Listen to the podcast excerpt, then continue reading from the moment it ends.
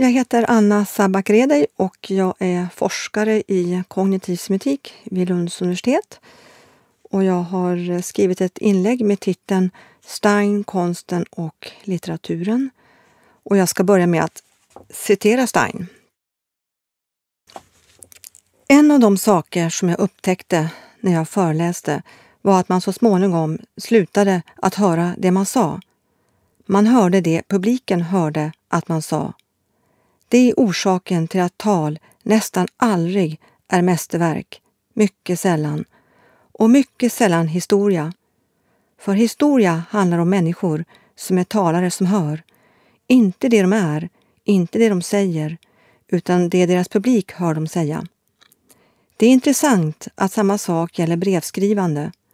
Brevet beskriver det den andra ska höra och enheten saknas därför att det finns två närvarande istället för en och återigen är skapandet omöjligt.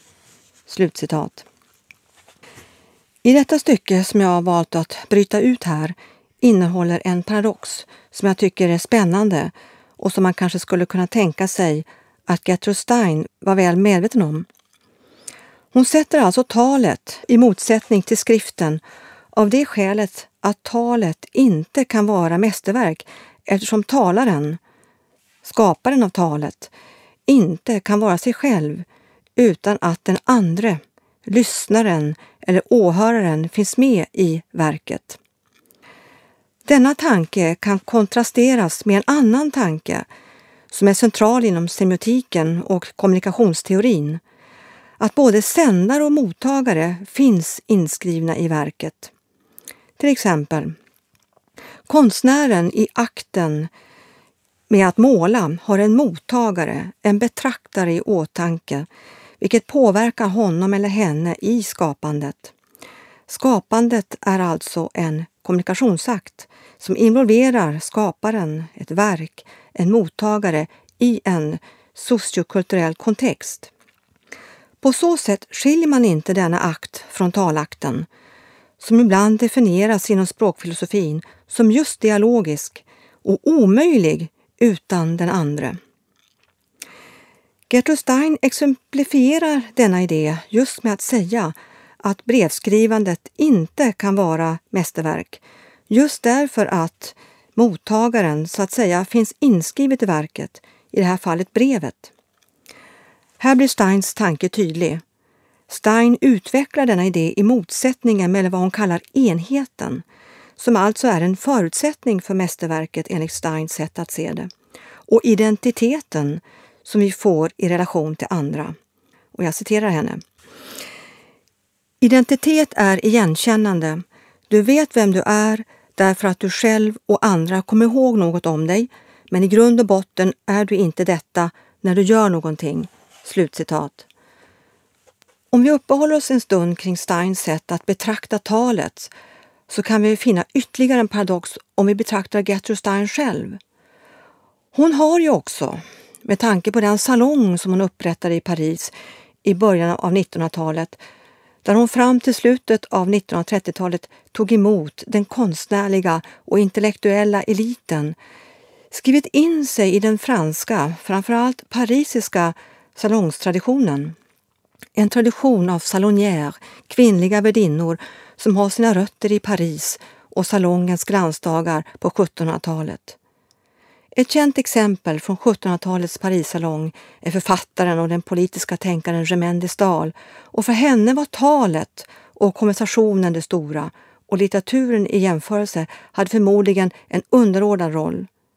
Steins idé om talet och mästerverket därför mycket intressant även mot denna historiska bakgrund. Steins salong, precis som Germaine de på 1700-talet, var en av de viktigaste samlingspunkterna för den samtida konsten och litteraturen och förmodligen för samtalet.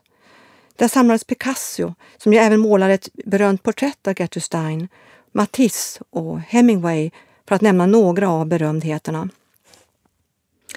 Ett mästerverk måste också vara onödigt, menar Stein, eftersom det nödvändiga har med människans natur att göra och svarar mot våra behov. Litteratur och konst har länge använt sig av motiv som finns att hämta i omvärlden och i det ögonblick konstnären blir medveten om dessa tappar han eller hon intresset för objekten.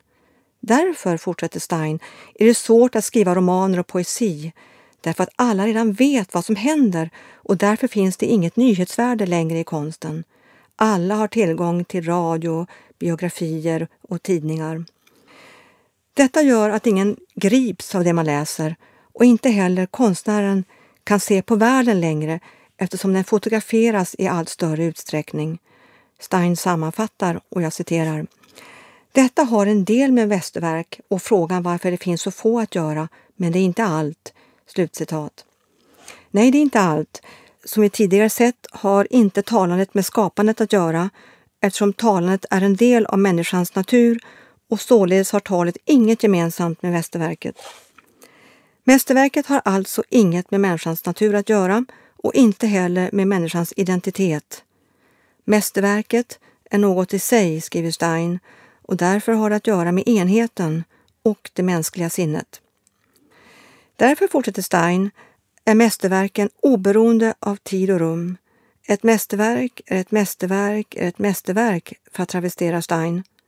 Och här tar utgångspunkten i den ursprungliga betydelsen hon menade att rosen hade när den blev viktig för romantiken, då rosen refererade till en verklig ros. I senare litteratur förändrades detta, då rosen, fortsätter Stein, kommit att referera även till arketypiska värden under romantiken och ja, till vad vi idag kanske skulle associera med den romantiska kärleken. Stein tycks alltså hävda att mästerverk är universella. I motsats till rosen kan vi då lite tillspetsat säga som hela tiden är föremål för omtolkningar och nya betydelser. Hon skriver, och jag citerar, det existerar tack vare att det kom att vara som något som är avslutat i sig och i det avseendet står de i motsättning till detta att leva som är i förhållanden och behov." Slutcitat.